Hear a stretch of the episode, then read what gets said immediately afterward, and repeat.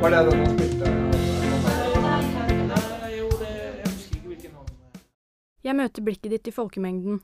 Øynene dine lyser opp, jeg får øye på den lange skikkelsen din der du står fastklemt mellom svette, festglade mennesker. Og jenter. Masse pene jenter. Lange, tynne og blonde i dyre klær med rouge i kinnene. Perfekt solbrune. Det stikker i brystet mitt. Pusten går raskere. Du holder meg fast med et spørrende blikk. Under skjorten din kan jeg skimte de utallige tatoveringene dine på den solkystede huden din. Jeg ser at du har byttet ut ringene i øret fra sølv til gull. Du har byttet ut de jeg kjøpte til deg. Panikken sprer seg i brystet. Jeg rømmer. Det er stappfullt med folk i den lille leiligheten. Sommervarmen gjør leiligheten til en levende sauna. Folkene roper, hoier, danser, drikker, er fulle. Jeg ser meg panisk rundt etter en rømningsvei, en sjanse til å komme meg ut. Kvalmen brer seg opp i halsen, jeg kveles. Alkoholen velter rundt i magen. Munnen smaker av blod og svetten renner. Jeg er full, veldig full. Før på kvelden sendte jeg deg en melding.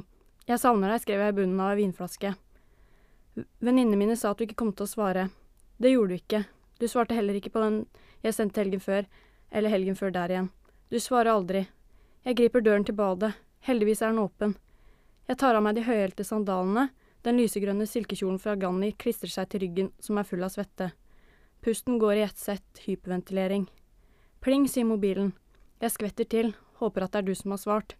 Det var bare en snap. Du svarer aldri. Jeg har sett at du har sett meldingen. Jeg prøver å roe meg ned, få kontroll på den lille kroppen. Kroppen min er et skall. Et lite svakt menneske gjemmer seg inni det.